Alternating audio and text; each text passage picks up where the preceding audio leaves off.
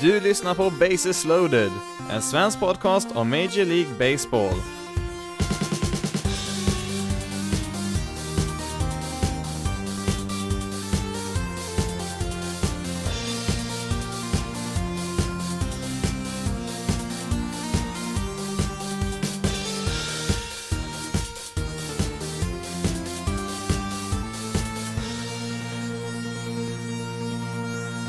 Hej och välkommen till veckans avsnitt av Bases loaded, en svensk podcast om Major League Baseball. I veckans avsnitt så blir det lite nyheter, lite närmare koll på American League Central och sen avslutar vi som vanligt med lite TV-tider. Den absolut största nyheten är givetvis eh, Vladimir Guerrero Juniors eh, debut där natten mot lördag svensk tid när man spelar mot Oakland där och ja, det är en debut som jag väntat på väldigt, väldigt länge. Toronto-publiken var ju väldigt laddade måste man ändå säga, så fort den bollen ens kom i närheten av Vlad där så blev det, till, blev jubel och applåder. Han gick ut och hämtade någon boll där Eh, som inte ens var i spel där och slängde upp den på läktaren och fick applåder för det så att eh, det här är ju den stora höjdpunkten på Blue Jays säsong. Eh, man kommer inte ha någonting med slutspelet att göra men man får åtminstone följa ett väldigt hypat prospect här nu under sin debutsäsong i år.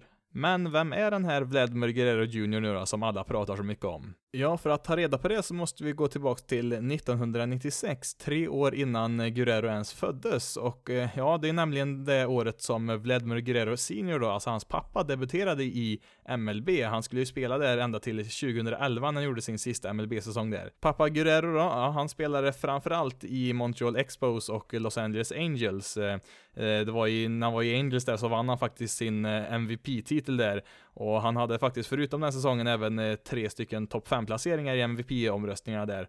Eh, han eh, var bland annat en All-Star nio gånger där och ja, för inte så länge sedan här nu så valdes han faktiskt in i Hall of Fame så att det är en riktig storspelare här vi pratar om. Eh, och ja, nu kommer man väl säkert att jämföra båda de här två karriärer, vilket kan verka lite orättvist här nu mot Junior eftersom att pappan redan är invald i Hall of Fame. Det är ju en ganska hög ribba där att försöka nå upp till, men ja, det finns väl nog många som tror att han ska kunna ha en bra karriär i MLB även han. Det är ju så här att prospects, alltså unga lovande spelare som inte har nått upp till MLB än, de får inte speciellt mycket, mycket plats i media och så i, i baseball då, jämfört med många andra amerikanska sporter när många redan är kända över hela landet innan de ens har satt sin fot i de här professionella ligorna som i NBA och i NFL.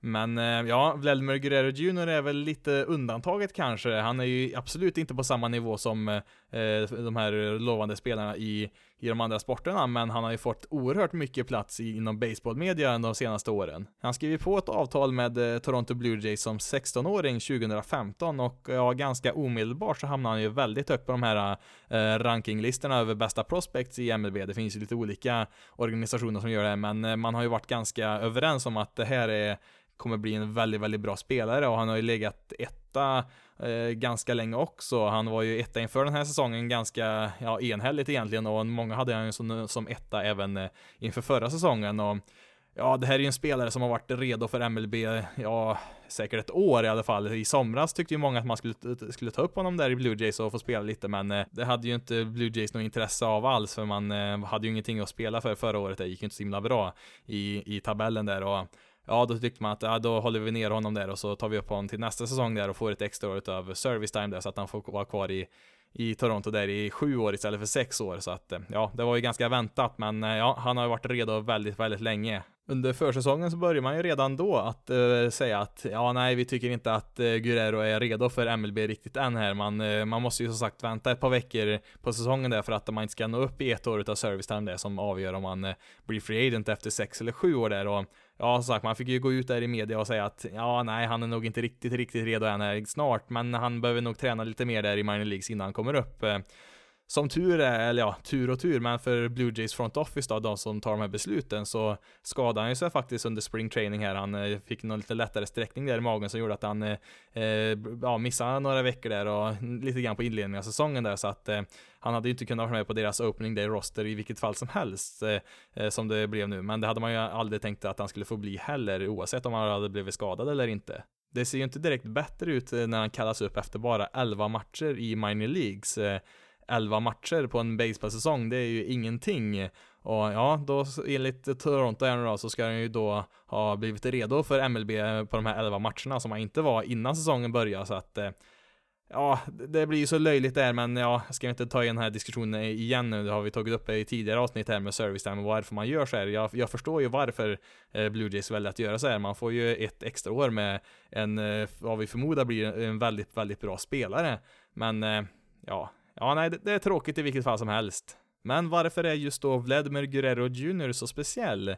Eh, lovande spelare finns det ju alltid, men eh, Guerrero har ju fått så extremt mycket mer uppmärksamhet än vad andra lovande spelare har fått. När man bedömer spelare så har man ju ett eh, visst antal egenskaper man kollar på och Ja, man brukar även betygsätta de här på en skala från 20 till 80. Eh, får man eh, 20 i betyg, ja då är man väldigt dålig på just det här och har man 80 så är man extremt bra.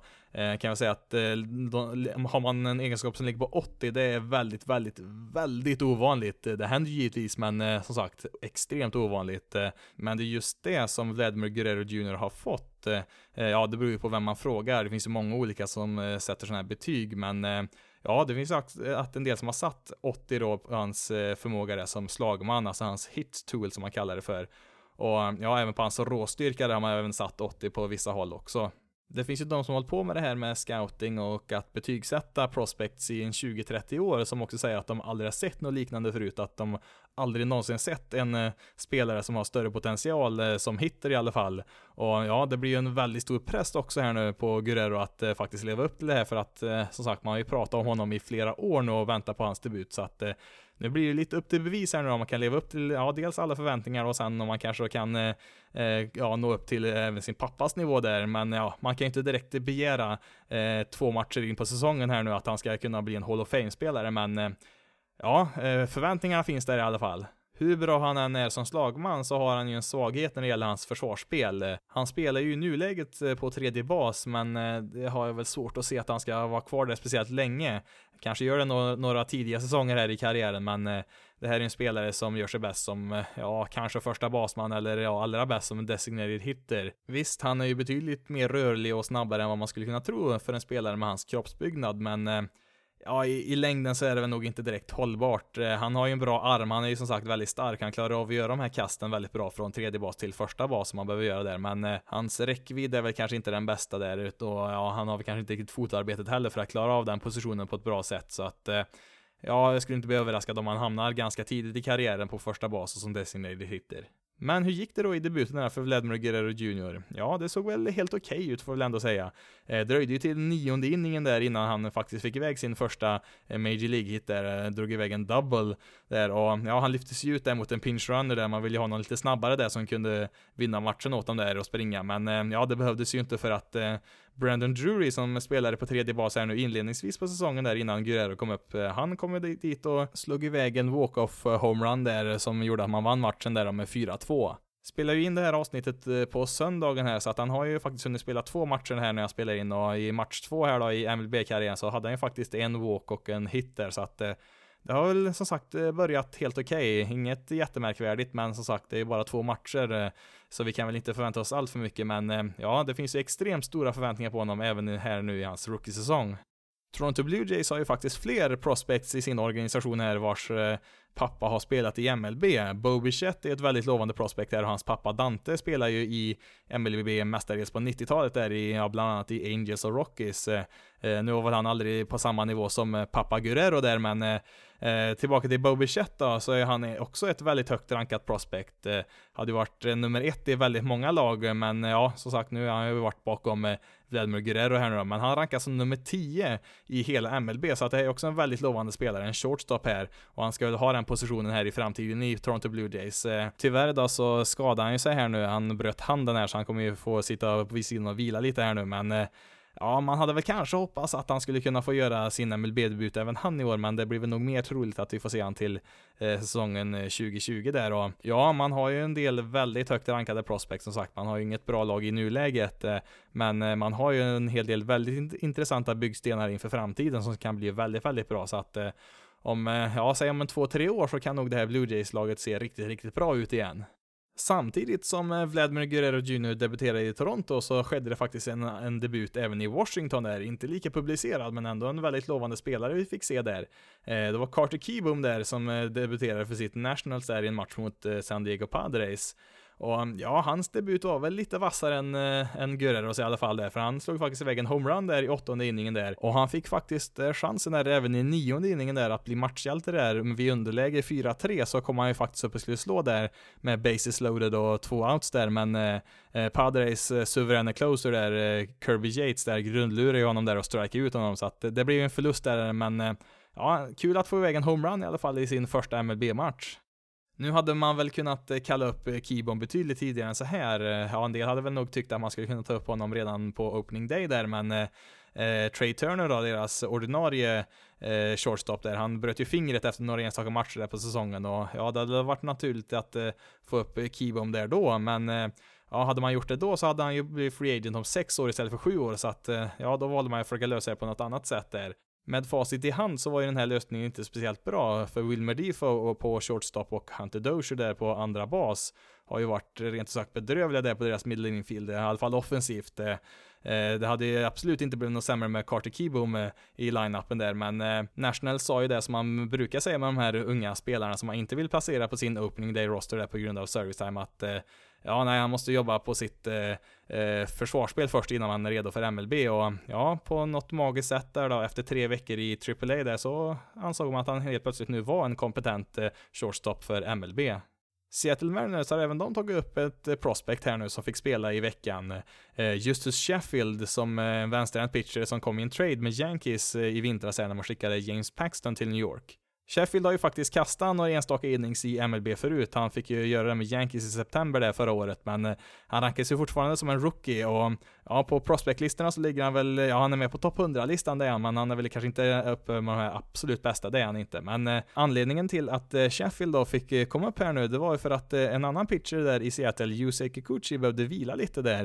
Eh, det är nämligen så att Kikuchi som kom från Japan här nu i vintras, han har ju aldrig kastat i MLB förut och Eh, det har ju visat sig att eh, pitchers från Japan brukar få mycket skador där tidigt eh, i sin MLB-karriär. Man brukar ju få lite mer vila mellan starterna i Japan jämfört med vad man får i MLB där. Därför har man ju då valt att försöka spara lite på Kikuchis arm här nu i första säsongen i MLB. man ska ha bestämt att en gång i månaden ska han då bara kasta en enda inning när han startar, alltså användas som en opener. Tanken var ju sen att Sheffield skulle komma in och kasta en 4-5 innings här, men eh, tyvärr så fick man ju plocka ut honom redan efter tre innings. Eh, eh, tillät ju ganska mycket walks där och ja, tre earned runs fick han ju plocka på sig där. Eh, det gjorde ju att eh, deras bullpen fick eh, jobba ganska hårt där. Man fick använda sex relievers efter Sheffield för att ta hela matchen i mål där. Det gick ju visserligen till extra innings då, så att det gjorde väl lite extra där, men man vann 5-4 mot Rangers där till slut. I vilket fall som helst så förväntas ju att han ska skickas ner här nu till AAA en stund till. Ja, det hade han gjort oavsett vilket resultat det hade blivit, men det kommer nog, han kommer nog att bli en del av deras rotation någon gång under året här. Då tänkte jag att vi skulle kolla på lite skador som har skett här nu under veckan. Vi börjar med att återvända till Toronto igen. Deras starter Matt Showmaker har ryckt av sitt korsband där och kommer missa resten av säsongen. Showmaker har ju då spenderat hela sin karriär i Angels tidigare, men eh, han hade väldigt svårt att hålla sig frisk där och eh, ja, de eh, valde att inte förnya hans kontrakt här nu i vintras.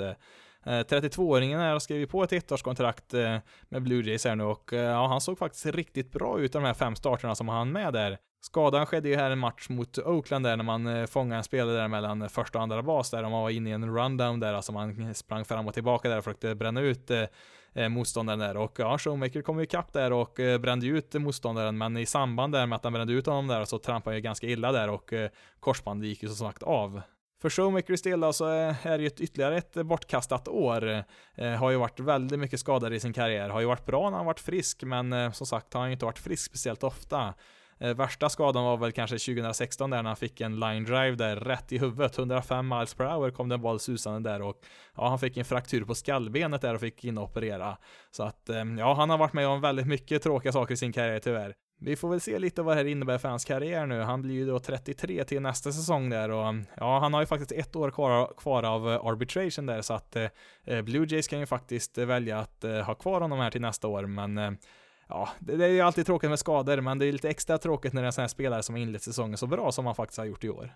Boston Red Sox pitcher Nate Eovaldi nämnde vi i förra veckans avsnitt att han hade hamnat på deras injured list.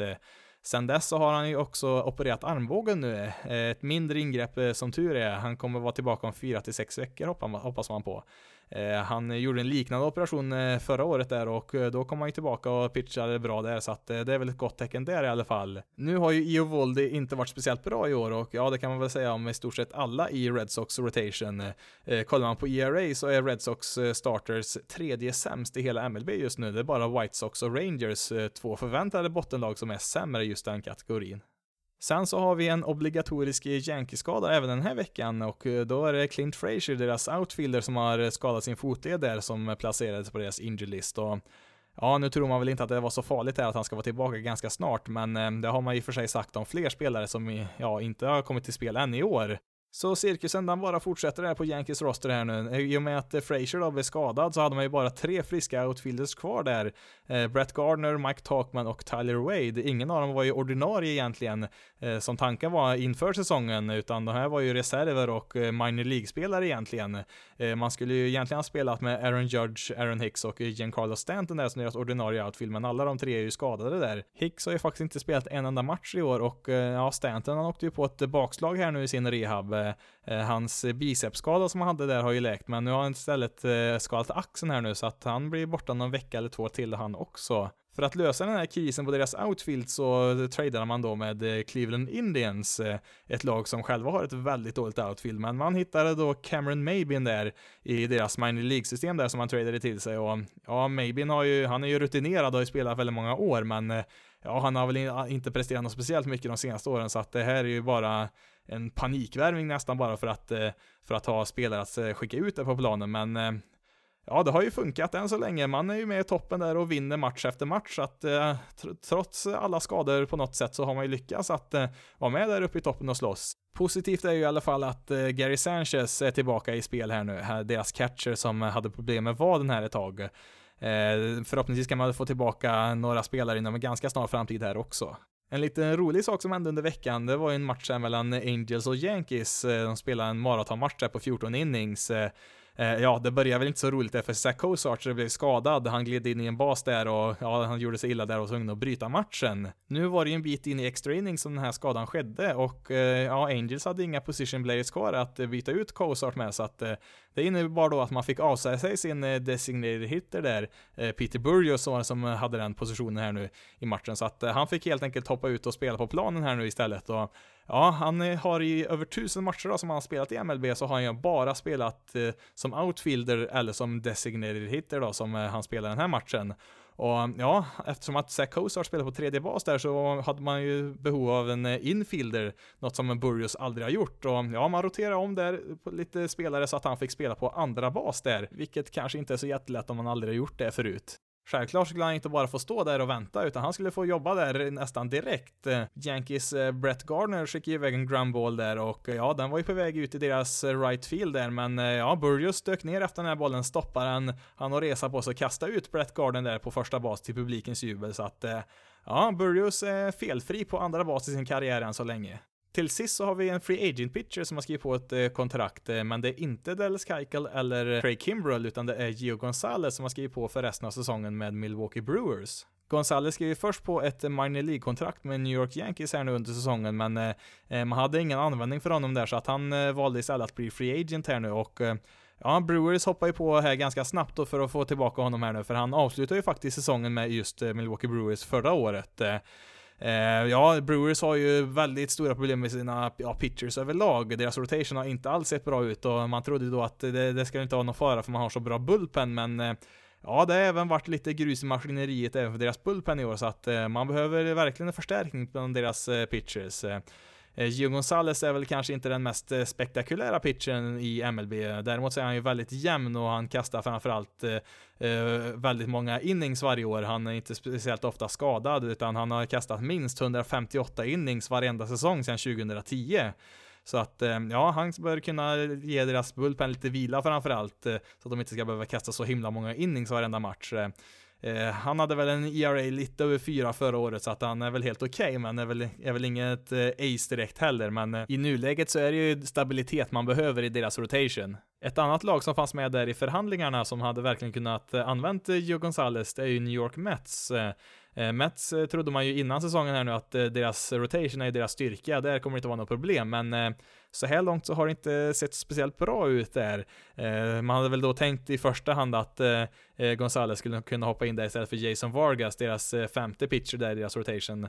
Men ja, nu blev det ju inte så och Gonzales kommer ju debutera söndag kväll, samma, samma dag som jag spelar in här nu och ja, första motståndare är just New York Mets.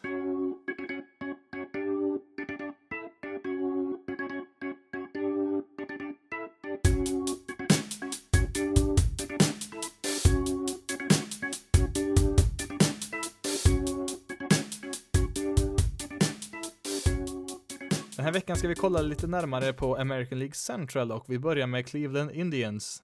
Indians har ju då inlett säsongen med 15 vinster och 9 förluster, ligger där precis uppe i toppen med Minnesota Twins där, ligger väl någon match bakom. Eh, här nu i veckan så ska man spela först mot Marlins och mot Mariners. Vem som är den bästa spelaren på eh, Indiens trupp, det går ju att diskutera, men Francisco Lindor är definitivt en av dem där, deras shortstop. Eh, eh, nu skadade han ju sig innan säsongen ens började här, hade ju problem med vaden. Och sen i sin rehabträning där då, så stukade han ju sen foten också, så att det har ju tagit ett tag här nu innan han har fått spela, men veckan som gick här nu var ju första veckan i spel här nu och ja, det har väl sett bra ut än så länge när han har kommit tillbaka. Eh, man fick ju som resultat när Lindor kom tillbaka släppa loss eh, Henley Ramirez där, den gamla storspelaren där, men eh, ja, han eh, producerar ju inte något nämnvärt i år. Han har ju inte gjort det sedan 2016 egentligen. Han, eh, ja, han, han verkar ju vara helt slut, så att frågan är väl om han kom, ens kommer få någon chans att eh, få spela med något annat lag här nu i framtiden, ens på någon minor League-deal eller så. Men eh, Lindor då, ja, som sagt, det sett bra ut här nu i början. Eh, man fick ju enormt dålig produktion här på shortstop när han var borta. Um, ja, det går jämför. Det är ungefär som om man hade satt in en pitcher på hans, uh, som slagman istället för Lindor där. Så dåligt har det varit faktiskt uh, när det gäller rent offensivt. sen har man ju även haft sin andra basman där, Jason Kipnis, har ju också varit skadade, så att nu har man ju fått tillbaka de två där i mitten, så att det är ju positivt här nu. Och mm, ja, man klarar ju av det ganska bra här nu. Man är ju med i toppen som sagt här nu, trots de här skadorna inledningsvis. Lite mer oroväckande är det på tredje bas där, Jose Ramirez som var länge var med i MVP-diskussionerna förra året där, eh, slutade ju till slut eh, trea i omröstningen där bakom Mookie Betts och Mike Trout. Eh, eh hade ju åtta wins above replacement förra året, vilket är extremt högt. Eh, eh men eh, han hade ju en liten svacka där i slutet av året där som gjorde att han eh, droppade av lite där i, i racet där om MVP. Men eh, ja, den här svackan har ju tyvärr då fortsatt även här nu den här säsongen. En teori till varför det har gått så dåligt här nu inledningsvis, eh, åtminstone offensivt, eh, det är att man tror att han försöker slå bollen eh, bort ifrån motståndarens shifts. Ett shift är ju då alltså då när man ändrar sin defensiva uppställning. I just Ramirez fall då, så brukar man ju då ställa upp Eh, tre spelare mellan första och eh, andra bas eh, så att man täcker den delen av planen lite mer för han har en tendens att slå bollen mer åt det hållet och ja, som resultat så har han då försökt att slå bollen mer ut mot mellan andra och tredje bas, alltså ut mot left field. Problemet är ju då att han är mycket sämre på att slå bollen åt det hållet när, när han slår som vänsterhänt slagman. Alltså han kan ju slå både från höger och vänster, men det här gäller då framförallt när han står från vänster sida. Och ja, motståndarna vet ju att han är mycket sämre på att slå bollen åt det hållet, så att man ställer ju en lite extra spelare mot, mer mot right field där och täcker den sidan lite bättre. Eh, och ja, som sagt, man tror ju då att han försöker slå bollen åt andra hållet istället som han inte alls är lika bra på, vilket då drar ner resultaten. Nu är ju Ramirez eh, så pass bra spelare så att jag tror nog han borde kunna komma ur den här svackan eh, ganska snart, får vi hoppas i alla fall. Eh, man behöver ju honom här i deras lagbygge här om det ska gå hela vägen här nu, för man har ju inte speciellt mycket att nämna där på deras outfield, så att det är ju deras infielder som måste producera rent offensivt i alla fall om man ska kunna vara ett hot där i slutspelet. Ramirez var ju iskall i slutspelet förra året där när man åkte ut direkt och Ja, ja, som sagt, han är en så pass bra spelare så han borde ju kunna hitta ur den här eh, svackan. Han hade någon liknande svacka även 2017 där som han tog sig ur där och spelade bra resten av året. Så att eh, förhoppningsvis så kommer han igång här ganska snart också. Som jag nämnde så är deras outfield inte speciellt vast, eh, eh, såg inte speciellt bra ut förra året heller och eh, ja, inför den här säsongen har man ju dessutom då tappat Michael Brantley i, som free agent då till Houston Astros så att eh, då har man ju försvagat det ännu mer till den här säsongen och ja, man har väl egentligen bara en enda där i centerfield, eh, Leonis Martin där som har producerat helt okej, okay, men resten är ju inte så speciellt mycket att ha eh, om man ser till vad de producerat än så länge i år. Nu har man ju till och med värvat in eh, Carlos Gonzales där, eh, Colorado Rockies gamla spelare där som, ja han var ju bra en gång i tiden men det var ju ett tag sedan nu. Och ja, han skrev på ett minor League-kontrakt där strax innan säsongen började och ja, nu är han helt plötsligt deras eh, startande left fielder där, vilket eh, inte är optimalt om man vill, eh, vill vara med och konkurrera om en World Series-titel, får vi väl ändå säga. Man har ju faktiskt ett hyfsat lovande prospect uppe i AAA just nu som man skulle kunna lyfta upp här. Oscar Mercado som spelade väldigt bra i springtraining med Indians här. Eh, nu ska man ju inte ta spring training-siffror med för stort allvar här, men eh, han har ju fortsatt att varit riktigt bra sen även i, i AAA, så att eh, jag ser inte varför man inte kan lyfta upp honom här, för att man får ju som sagt ut väldigt lite produktion på sina outfielders där, så att det, är väl nästan lika bra att få upp honom där, för det kan ju knappast vara sämre kan man ju, kan man ju tycka där. Han spelar ju i vanliga fall centerfield och ja, nu spelar ju Leonis Martin just där, men jag tror Mercado ska väl enligt rapporterna klara av att spela både i left field och right field också, så att man borde väl kunna kalla upp honom ganska snart tycker jag, så att man får en litet lyft där i alla fall. För ja, offensivt sett så har det väl sett lite si och så ut. Eh, det har ju visserligen med skador på Lindor att göra och Ramirez eh, svacka givetvis, så att man har ju en del sparkapital absolut att få ut där offensivt, men eh, ja, jag tror nog att det skulle vara ett lyft att få upp honom där i, i deras, på deras MLB-roster. Clevelands pitchers har ju sett eh, som helhet väldigt bra ut. Eh, det som är mest oroväckande det är väl i så fall då Corey Kluber, eh, deras eh, tidigare Cy Young-vinnare där som inte har fått eh, ordning på sina starter än så länge där. Eh, han har ju, ja, han har ju blivit lite äldre nu, han är 33 år gammal och man börjar väl förutspå hans nedgång lite grann redan förra året där. Det ser väl då kanske ut som att Kluber i år får kliva ner då från tronen som lagets ace där och eh, det ser väl ut då som att eh, Trevor Bauer kommer att ta över den rollen där. Han har varit eh, dominant så här långt i år. Så att eh, ja, man har ju bra, bra rotation överlag här, så att det gör väl inte så jättemycket om man har någon pitcher som Kluber är som startar lite trögt. Eh, eh, sen har man ju däremot också fått en skada på Mike Clevenger där, också en starter som hade två väldigt fina matcher där i början, men ja, han skadar ryggen där och kommer att, ja, han får inte kasta någon boll på 68 veckor här nu. Och sen kommer det väl dröja lite tag efter det här för att han ska kunna bli redo för att kasta in MLB-match sen igen, så att han blir borta ett tag där, men ja, man har ganska, en del ganska starka namn här i deras rotation så att man bör kunna klara av någon trög start och någon, någon skada här så att eh, just det ska man nog inte vara så oro, orolig än så länge. Dessutom har ju deras bullpen också presterat ganska bra än så länge. Vidare då till Chicago White Sox som har inlett säsongen med 10 vinster, 14 förluster. Eh, veckan som kommer här kommer man ha två matchserier mot Baltimore Orioles och eh, Boston Red Sox på ytan så ser det väl kanske ut som att det här kommer bli ytterligare en eh, tappad säsong för White Sox, men eh, ja, det finns väl ändå lite ljuspunkter här och där för dem än så länge under den här säsongen. Man spelar ju inte för något eh, i år, det är väl först om kanske nästa år eller kanske mer om två, tre år som man ska börja bli bra igen, men det hade väl kanske samtidigt varit kanske lite roligt att se något framsteg här rent resultatmässigt också, eftersom man förlorat väldigt mycket matcher här nu de senaste åren. Positivt är ju framförallt eh, Johan Moncadas eh, utveckling. Han ser ut att gå mot ett riktigt genombrott här nu i år. Eh, han rankades ju som ett av ligan som inte är det absolut bästa prospect i hela MLB för ett par år sedan, men ja, hans två första säsonger i MLB har ju varit ganska anonyma. Har inte varit dåliga på något sätt, men det har inte varit upp till förväntningarna heller. Men ja, så här långt den här första månaden som vi har spelat i år så verkar det som att 2019 kan bli hans riktiga genombrott här. Eh, första månaden här då har han ju presterat en slashline på 3.23, 3.74, 5.96, vilket är givetvis är väldigt, väldigt bra. Han har ju också då flyttat från andra bas till tredje bas rent defensivt i år och ja, det har han ju inte haft något problem med än så länge i alla fall. Det största problemet var ju framförallt hans strikeouts, eh, 33% la det på förra året, vilket är väldigt, väldigt högt. Eh, och för att lösa det så har han faktiskt då valt att vara mer aggressiv när han svingar, vilket kan låta lite motsägelsefullt om man vill bli av med strikeouts. Eh, nu var det ju så att eh, han eh, fick väldigt mycket strikeouts när han stod där och tittade bara. Han svingade inte ens på många av sina strikeouts där, så att eh, eh man eh, valde då att försöka träna på det nu i vinter, att eh, vara mer aggressiv och slå på bollar som kommer in i strikezonen där och ja, det har ju gett väldigt bra resultat där nu. Hans strikeouts har ju gått ner från 33% till 22% nu och ja, 22% är faktiskt lite under genomsnittet för hela ligan där, så han har ju förbättrat sig enormt när det gäller just strikeouts där. Eh, tyvärr då så har han ju då tagit lite färre walks då. Eh, han la ju lite över genomsnittet på det tidigare, men nu ligger han, ligger, no ligger han något under. Men med tanke på hur mycket bättre hans resultat är så kan man nog leva med att han tar lite mindre walks än tidigare. En annan sak han gör mycket bättre är att han slår till bollen mycket hårdare nu. Eh, det är ju till viss del följd till att han hittar bättre bollar i strikezonen där att slå till, som är lättare att få bra träff på, men han ligger ju nu i snitt på 95 miles per hour då i exit velocity, alltså hur snabbt bollen lämnar slagträet där och det finns det bara tre spelare i hela MLB som har ett högre snitt än honom på just det.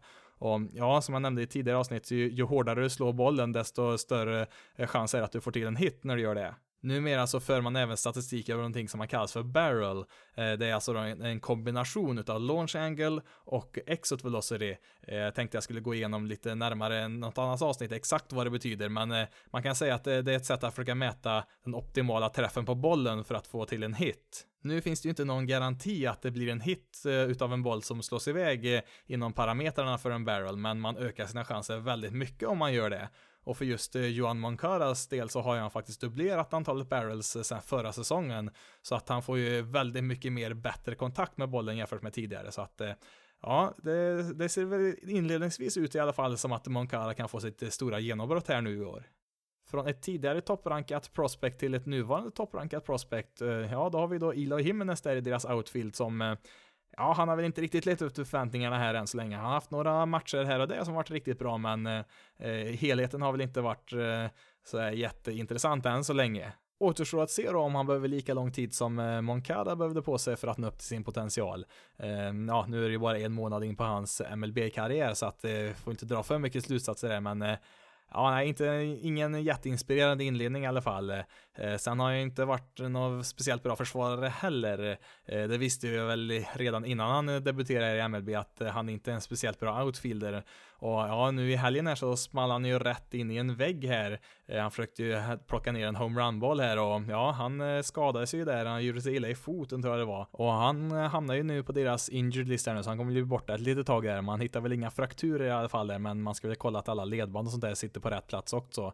Så att ja, man blir utan Himnes här nu ett litet tag framöver hetast av alla i White Sox än så länge i år, det är ju helt klart Tim Anderson. Eh, kanske kommer ihåg han från förra veckans avsnitt, det var han som gjorde den här batflippen där mot Royals som gjorde att eh, det blev ett massa tjafs där och ja, han har ju haft anledning att göra mycket batflips i år för han har ju varit riktigt het här nu i inledningen. Eh, ja, han kommer inte att kunna bibehålla den här produktionen hela säsongen. Så är det ju för, för han och många andra också. Men som det ser ut just nu så är han ju en av, ja, inte bara White Sox bästa spelare, han är en av ligans bästa spelare under sina tre tidigare säsonger i MLB så har han väl varit ungefär en genomsnittlig spelare så, inget märkvärdigt. Men eh, ja, nu, nu är han ju uppe i toppen där och liksom bland de bästa spelarna i ligan. Och ja, han har, leder ju faktiskt också i stolen bases, har ju tio stycken än så länge här nu under helgen. Och ja, fortsätter han i den takten skulle han komma upp i 60 stycken, men eh, ja, det, det, det är som, som sagt, som med han och med många andra så kommer de inte att fortsätta i, i, i den här e, extrema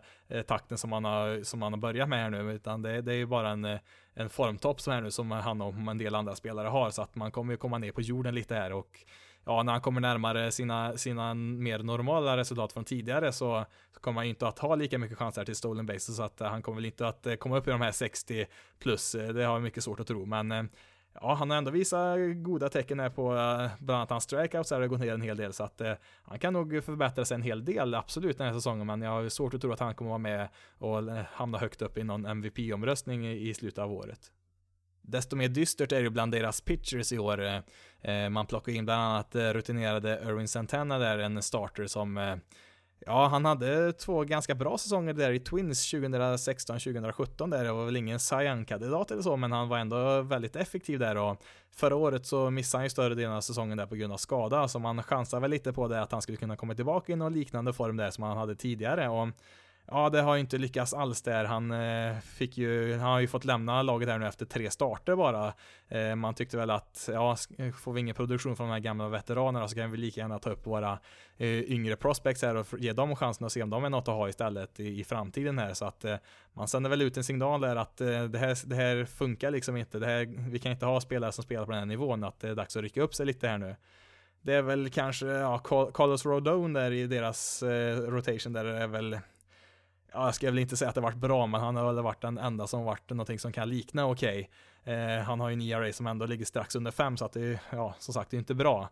Eh, även Ivan Nova, en annan starter där som han tradade till sig från eh, Pirates här nu i vinter, har inte heller sett något bra ut alls. Så, ja, deras bullpen hade varit lite, lite bättre, men det är väl ingen större grupp av All-Stars där heller. Det här innebär ju då att vi kanske inte får vänta så länge på att få se eh, Dylan Cease göra MLB-debut. Ett pitching prospect där som rankas eh, 34 i hela MLB och Ja, han var extremt bra förra året. Han eh, ansågs vara kanske var den bästa minor League-pitchen eh, överhuvudtaget förra året. Så att eh, han ska ju bli väldigt kul att se om han kan komma upp här i år. Och det är väl han tillsammans med Michael Kopek som ska eh, föra det här laget framåt i deras rotation där. Kopek fick ju debutera redan förra året där, men han eh, åkte ju på en Tommy John-operation där, så han kommer inte kunna spela någonting i år. Men eh, eh om både Kopek och eh, eh är hela där till eh, nästa säsong där så kan det ju börja se ganska intressant ut där för White Sox i deras rotation.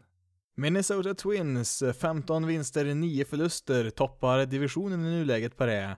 Eh, har ett eh, ganska tufft eh, schema här nu den här veckan som kommer här nu. Först en serie mot Astros och sen Yankees. Twins har ju fått inleda utan sin eh, tilltänkte tredje basman Miguel Sano. Ja, man fick ju klara sig utan honom även en del förra året där. Han, eh, ja, hans produktion kollapsade ju totalt förra året där. Man hade väl hoppats att han kanske skulle få ett eh, riktigt ordentligt genombrott där, men nej, han spelar riktigt dåligt där och han skickas ju ner där i minor leagues där för att försöka komma tillbaka i form där och ja, man skickar ju ner honom ganska långt ner där och inte bara till AAA man skickar honom, man skickar honom flera nivåer ner där faktiskt och Ja, som sagt, nu är han skadad här och ja, han ådrog sig den här skadan i vintras när han spelade i den dominikanska vinterligan där. Och då skadade han foten där när de firade segern där i den ligan där, så att det, det var väl lite lite udda skada där också. Ja, nu eh, blev det ju värre här under spring training som man var tvungen att eh, skjuta fram hans debut ännu längre här fram här nu och ja, man, ja i bästa fall kanske han är med här i mitten av maj. Eh, men istället för honom då har man ju fått spela då med Marvin Gonzales som eh, kom som en free agent här nu i vinter och Ja, han är ju en sån här super utility player, alltså en spelare som kan spela i princip överallt. Ja, han kan väl inte spela ah, catcher och pitcher han väl, eh, har han väl inte gjort, spelat, men i stort sett varenda annan position har han ju faktiskt spelat på någon gång och han klarar ju av det mesta ganska bra. Och ja, det var väl en litet underskattad värvning här nu under vintern, men Tyvärr så har han inte alls eh, spelat bra i år. Han har väl e-, egentligen bara en enda riktigt, riktigt bra säsong där med Houston Astros där 2017 där när de vann titeln och annars så har han väl ändå spelat helt okej okay övriga säsonger så men eh, man bör ju få igång honom här eh, förr eller senare. Han är ju bättre än vad han har presterat. Han är faktiskt värt negativt wins above replacement här nu så att så här dålig, det, det, är han ju inte så att han kommer nog igång här förr eller senare. Som tur är för Twins då så har man ju faktiskt klarat sig bra utan eh, Marvin Gonzales här nu. Man har ju fått väldigt bra produktion på väldigt många spelare här. Eh, bland annat då Jorge Polanco där på deras, deras shortstop och Jonathan Scope där på andra bas där har ju bildat ett väldigt, eh, väldigt stabilt middle infield där. Eh, Polanco är ju tidigare ett eh, topprankat prospect där som inte riktigt eh, slagit igenom här på sina för, fem första säsonger där, men eh, i år då så har han ju eh, producera 1,3 wins above replacement, vilket är ungefär, eh, ja det är ungefär lika mycket som han hade hela året förra året. Eh, eh nu missade han ju visserligen halva förra säsongen där på grund av en eh, dopningsavstängning där, men det är en riktigt, riktigt bra start där på Polanco. Eh, Jonathan Scope där, eh, han, ja, han tog det några år där innan han kom igång på, i sin karriär här. Fick ju sitt ordentliga genombrott där Eh, 2017 där i Baltimore, men eh, förra året så tog han ju ett rejält kliv bakåt där. Eh, han tradades ju till Brewers där förra året och mm, ja, de tyckte inte att det gick så bra så att man, ja, man släppte ju lös han där. Man erbjöd inte han fortsatt kontrakt där så att man signade honom här nu i, i Minnesota och mm, ja, han gav en, ändå en 7,5 miljoner dollar där i årslön, vilket är ganska, ganska okej okay summa ändå för en spelare som totalt tappade allt förra året får vi ändå säga. Um, sen har vi även då Eddie Rosario, en outfielder där som har inlett väldigt, väldigt bra han också. Uh, var ju bra förra året också, men nu har han tagit ytterligare ett steg framåt här. Uh, redan slagit vägen 11 homeruns här nu som kan jämföras med 24 stycken som han slog på hela förra säsongen. Och ehm, ja, som sagt, eh, man är väldigt starkt offensivt, leder ligan i slugging percentage och ligger fyra i totalt antal homeruns där och jag tror man ligger etta där om man tar bort första veckan av säsongen där så har man ju kommit igång Eh, väldigt bra här nu på sistone eh, i just, eh, just den delen där. Och skulle man fortsätta slå iväg lika mycket homeruns resten av säsongen här, vilket man inte direkt kan räkna med då, det är som sagt bara en månad på säsongen här, men ja, skulle man fortsätta i samma takt här då skulle man ju komma upp i 296 stycken, vilket är en ganska stor skillnad mot deras tidigare klubbrekord på en säsong, vilket är 225 som man slog iväg 1963, så att eh, visst, man kanske inte kommer upp i 296 stycken, det skulle även vara ett MLB-rekord också om man eh, skulle göra det, men eh, goda möjligheter att slå rekordet, det har man absolut. Det finns ju desto fler frågetecken i deras, eh, bland deras pitchers som, ja det visste man väl om kanske om redan innan säsongen här. Man hade väl hoppats på kanske att kunna få in lite förstärkningar här eh, bland deras pitchers, men eh, ja, man har inte gjort speciellt mycket här nu i vinter. Inga stora namn som har kommit in i alla fall. Eh, Eh, det är väl då Jose Berrios det som har eh, inlett stabilt där. Ehm, han eh, kan ju vara riktigt, riktigt bra emellanåt, men han kan ju vara väldigt ojämn också. Det kan ju hända lite vad som helst där när han kastar, men det, det har sett bra ut än så länge där. Ehm, Martin Perez där har ju kommit in här nu lite senare i deras rotation och inledde ju säsongen i deras bullpen här och han har fått några starter och det har sett bra ut men det, det är ju frågan om de kommer kunna hålla en hel säsong med deras rotation här. Man har ju en del spelare som kan, Eh, ja, kan kasta rätt bra här eller helt okej, okay, men eh, man skulle behöva någon eh, tillsammans med Barrios här som kan spela på en hög nivå hela säsongen här för att man ska kunna vara med och hota Indiens här uppe i toppen. Och framförallt om man når slutspel så behöver man absolut ha ett par starter här som kan bära laget här ett antal, med ett antal säkra innings. Till sist måste vi nämna Williams Estadio som inte har kommit upp i den här podcasten än och ja, han har ju tagit baseballvärlden med storm här nu. Eh, ja, dels eh, lite grann förra året, men det har väl exploderat eh, intresset kring honom nu. Eh, ja, dels över vintern och sen in på den här säsongen. Eh, La Tortuga, alltså sköldpaddan kallad då, som smeknamn, vilket, ja, det är lite ett udda smeknamn där, men eh, det är mycket som är just udda med Astadio, eller ja, kanske snarare unikt kanske vi ska säga. Eh, han, eh, ja, dels är han ju inte direkt byggd som en traditionell baseballspelare rent kroppsmässigt, får väl lite Bartolo Colon-vibbar när man ser honom spela där, men eh, Ja, vem är då den här Williams Estadio som eh, har blivit så populär?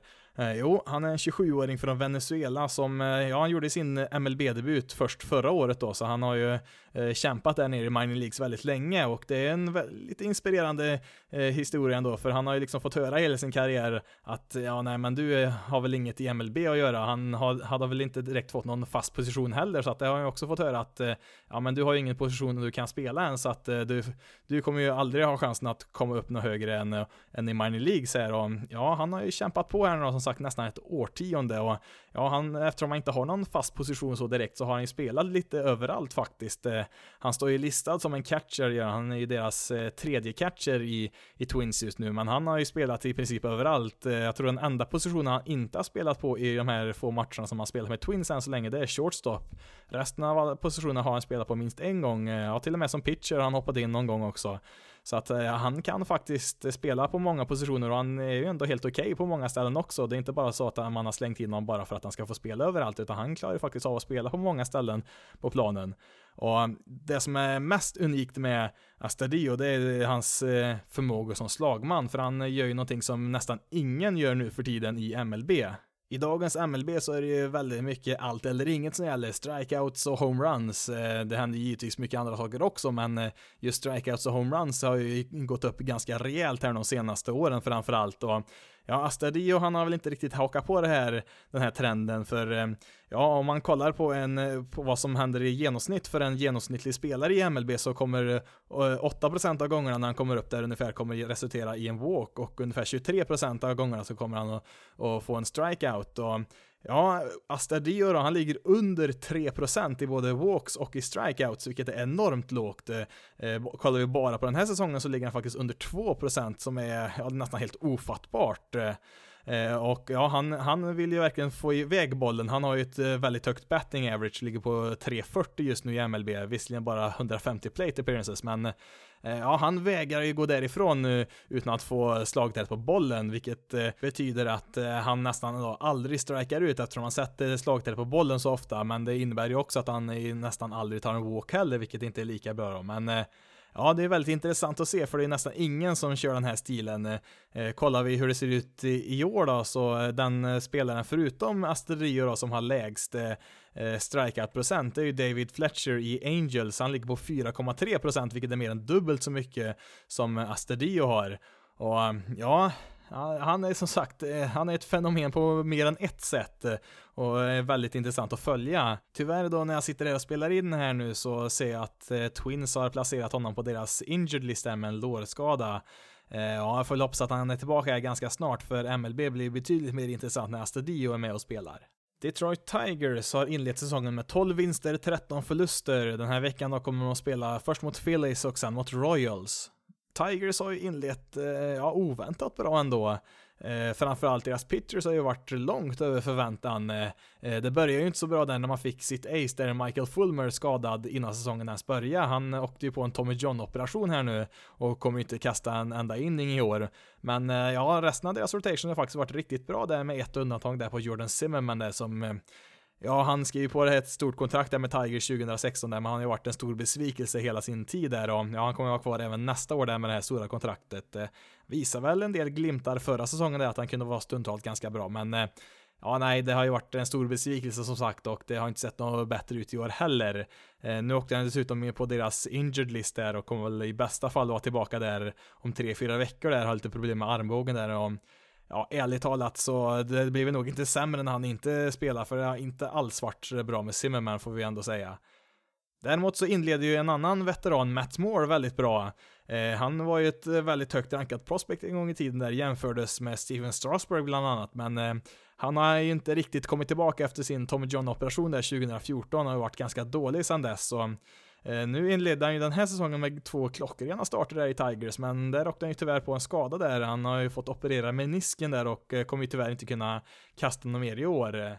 Sen har man ju även fått eh, oväntat bra produktion från två egna produkter här, Matt Boyd och Spencer Turnbull.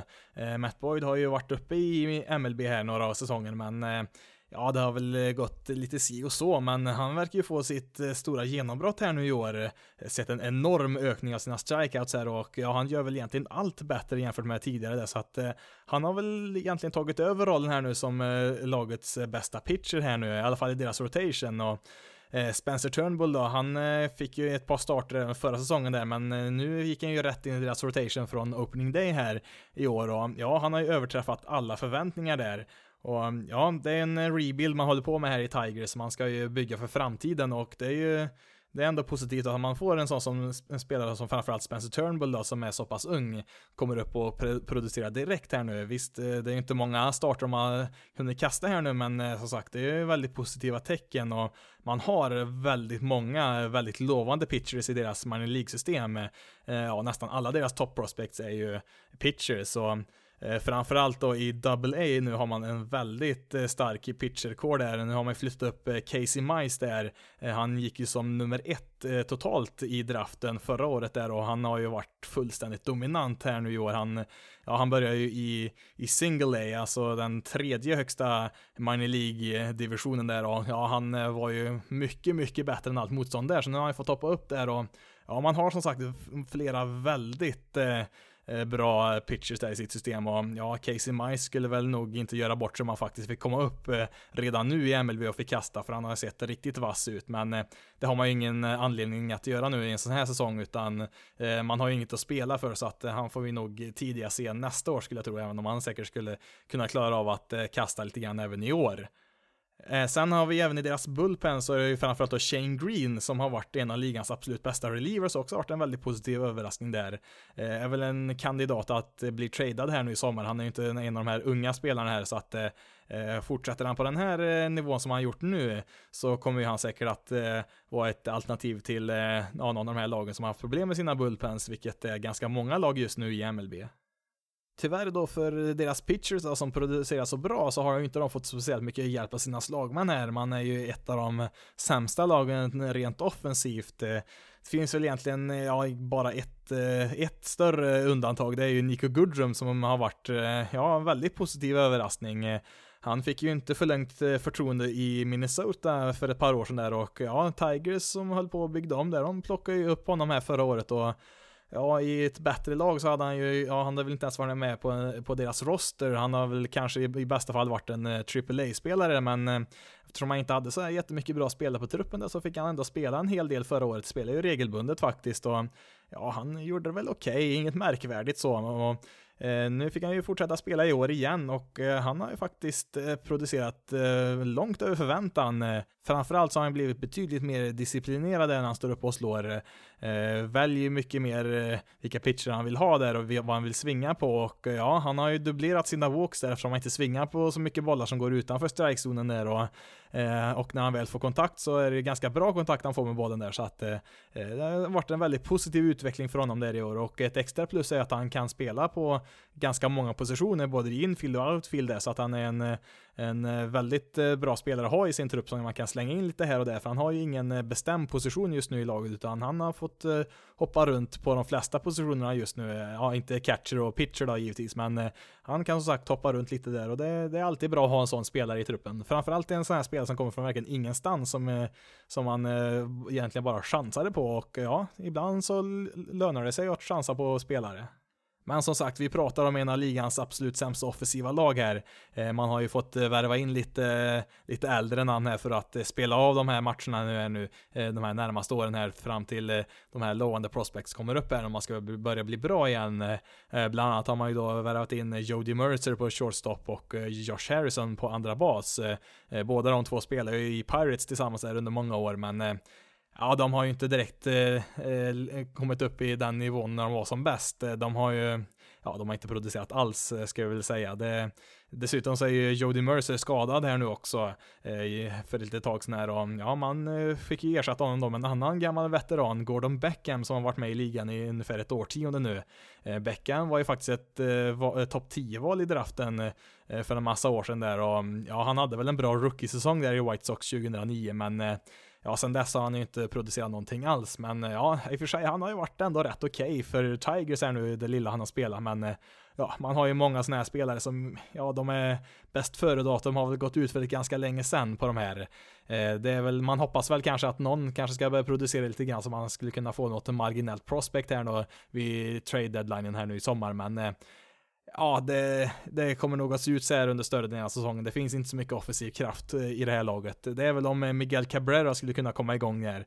Eh, han har ju haft ett par skadedrabbade säsonger, men ja, han slår väl ungefär som en genomsnittlig spelare i MLB just nu, vilket, ja, det, det, man behöver väl sådana spelare också, men när man har en sån enormt stor lön som han har så är det ju givetvis eh, inte bra, men Eh, Eh, ja, man, eh, man räknar väl nog inte med att han ska kunna eh, prestera som i sina MVP-dagar där, men eh, man hade hoppats att han skulle kunna vara lite bättre i alla fall, så får ut något värde på det här sista delen av kontraktet som finns kvar här nu. Det är ganska många miljoner kvar och ja, han nådde ju faktiskt eh, 2700 hits här nu i karriären, så att han lär väl försöka spela tills han kommer upp i 3000 i alla fall, men ja, det är samma sak där. Hans bästa dagar är långt bakom honom tyvärr. Till sist har vi då Kansas City Royals som har inlett med 9 vinster, 18 förluster. Eh, spelar den här veckan först mot eh, Tampa Bay Rays och sen mot Detroit Tigers. Jag kollar här nu i helgen på vilka som ledde listan över, över wins above replacement här nu så här långt i år och eh, Ja, det var väl inga större överraskningar där i topp tre. Det var ju Cody Bellinger, Christian Jelic och Mike Trout där, inga överraskningar direkt så. Och ja, fjärde plats eh, Paul DeJong där i Cardinals. Eh, ja, liten överraskning ändå, har ju varit väldigt bra här nu i inledningen och eh, sen då när jag kollar på plats nummer fem, Hunter Dozier. Va? Ja, Hunter Dozier är ju ett namn som, ja, jag tror inte så jättemånga har koll på honom och det kan jag ju säga att det har ju ärligt talat jag, inte jag heller. Eh, jag har väl egentligen bara snappat upp hans namn här ganska nyligen eh, inför säsongen här när jag skrev lite grann om eh, Royals trupp här och det jag noterade då var att han behöver rycka upp sig ganska rejält offensivt om han ska hålla sig kvar i deras trupp här. Det finns, hade väl funnits risk att han skulle kunna bli av med sin plats här under säsongen om det inte blir bättre från förra året där. Han var ju värd minus 0,8 wins above replacement förra året där, hans rookie-säsong och Ja, han har ju minst sagt blivit bättre. Han är ju som sagt femma på listan över wins above replacement, är ju uppe vid 1,6 redan i år och ja, han är ju en av ligans absolut hetaste hitters. Eh, slår ju nu 350, 442, 713 och Ja, jag vet inte riktigt var, vart kom han ifrån? Eh, man skulle kunna tro först att, eh, det, att det är Brian Dozier man menar där, andra basman i Washington Nationals. Han har i alla fall haft någon eh, bra säsong här och där. Men eh, ja, Hunter Dozier då, som det rör sig om nu, han eh, Ja, han är i och för sig, han är faktiskt eh, ett draftval som gick i första rundan eh, 2013 där, men han, eh, det har tagit ganska lång tid för han att komma upp i MLB här. Han är 27 år nu och gjorde som sagt sin rookie-säsong förra året, men ja, nu har han ju hittat någonting här som har gjort att han har blivit väldigt, väldigt bra. Ehm, ja, han eh, har ju bland annat då börjat slå bollen mycket hårdare. Det är ett tema för väldigt många som har blivit bättre. Det är att man eh, får bättre kontakt med bollen givetvis. Han svingar dessutom eh, på mindre bollar och får ju bättre kontakt när han väl svingar. Ehm, och eh, ja, han har ju dessutom fått mer tålamod där, så han har ju även en kraftig ökning av walks där och eh, kraftig minskning av strikeouts. Alltså, han, han gör väl allt bättre i princip. Eh, kommer det här att fortsätta? Ja, det har jag ingen aning. Inte, ja, han kommer inte fortsätta riktigt så här bra som han gjort nu. Det har jag mycket svårt att tro att han ska kunna göra. Det är ju som vi ser med väldigt många spelare just nu, att de som har börjat så här riktigt extremt bra, de kommer inte att spela så här hela säsongen, men eh, ja, det finns väl ändå goda möjligheter att han kommer att vara en bra spelare resten av säsongen också. Sen har vi en annan spelare som har eh, överraskat väldigt eh, positivt. Det är Alex Gordon, en outfielder där som eh, Ja, han har ju däremot visat till skillnad från Hunter Dozier att han kan vara en väldigt bra spelare tidigare i sin karriär.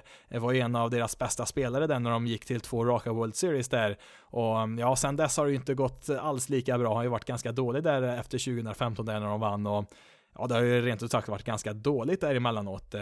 Eh, han har ju sagt att han har funderat på att han ska pensionera sig efter den här säsongen. Det är ju sista året på hans kontrakt. Eh, och ja, han har en option där på kontraktet även för nästa år, men han är värd över 23 miljoner dollar, så att eh, det är väl tveksamt, även om man har en väldigt bra säsong i år, att den aktiveras där utav Royals. Eh, man vill kanske inte satsa sådär jättemycket pengar på en 36-årig outfielder, eh, framförallt då när man befinner sig i en rebuild som de gör just nu.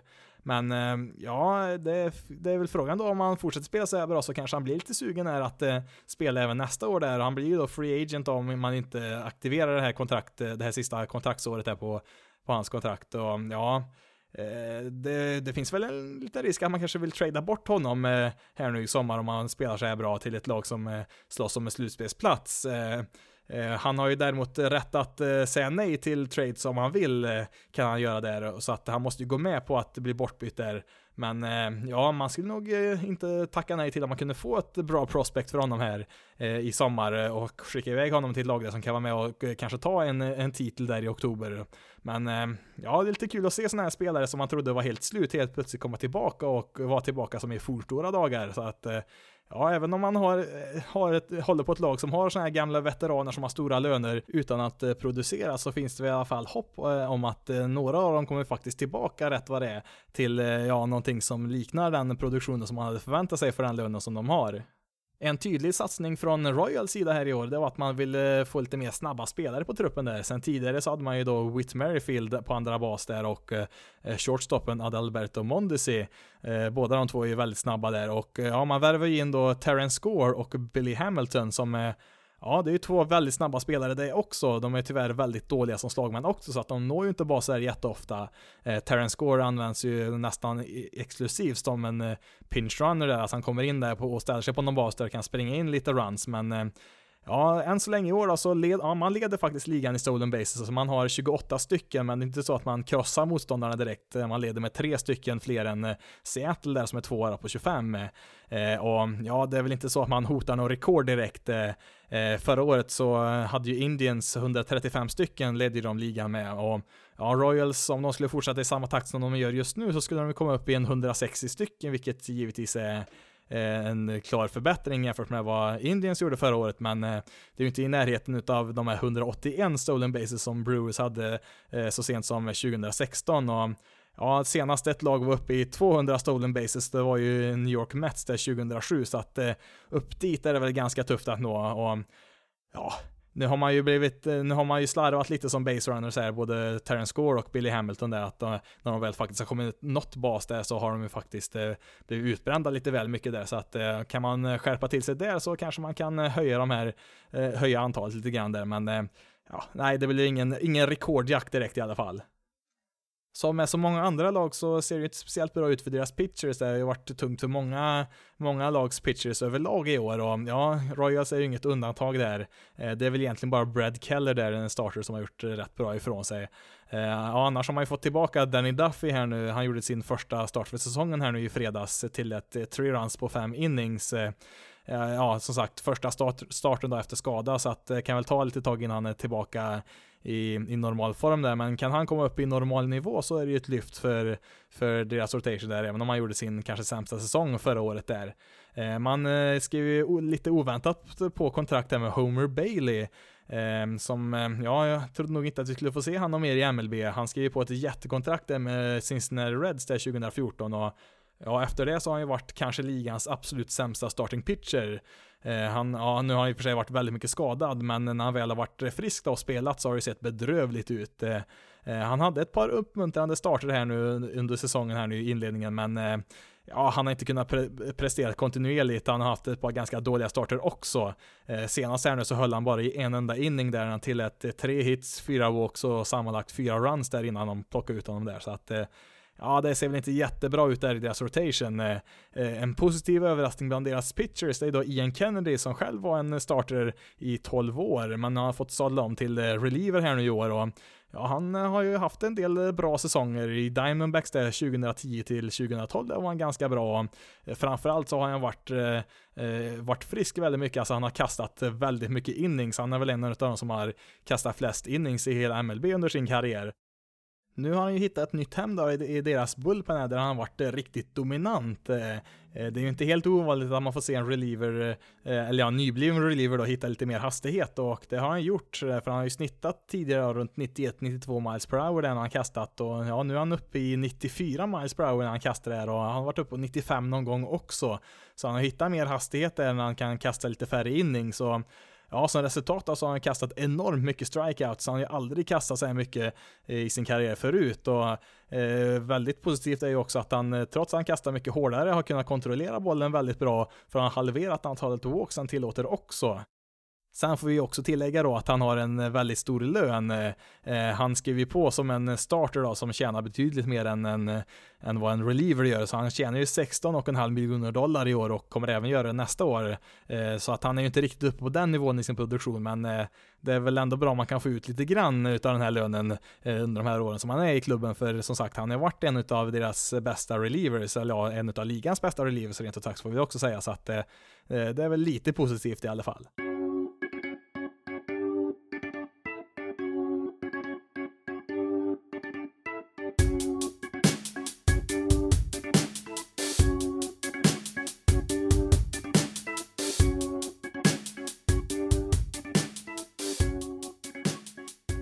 Kolla vilka tv-tider som gäller här nu i veckan. Vi börjar då med de matcher som sänds på Viasats kanaler och eh, då är det först eh, på onsdag, första maj, där sänder man eh, Red Sox mot Oakland där klockan sju. Den sänds på både Viaplay och på TV3 Sport. På torsdagen sen den 2 maj så sänder samma två kanaler då Mets mot Reds där klockan sex.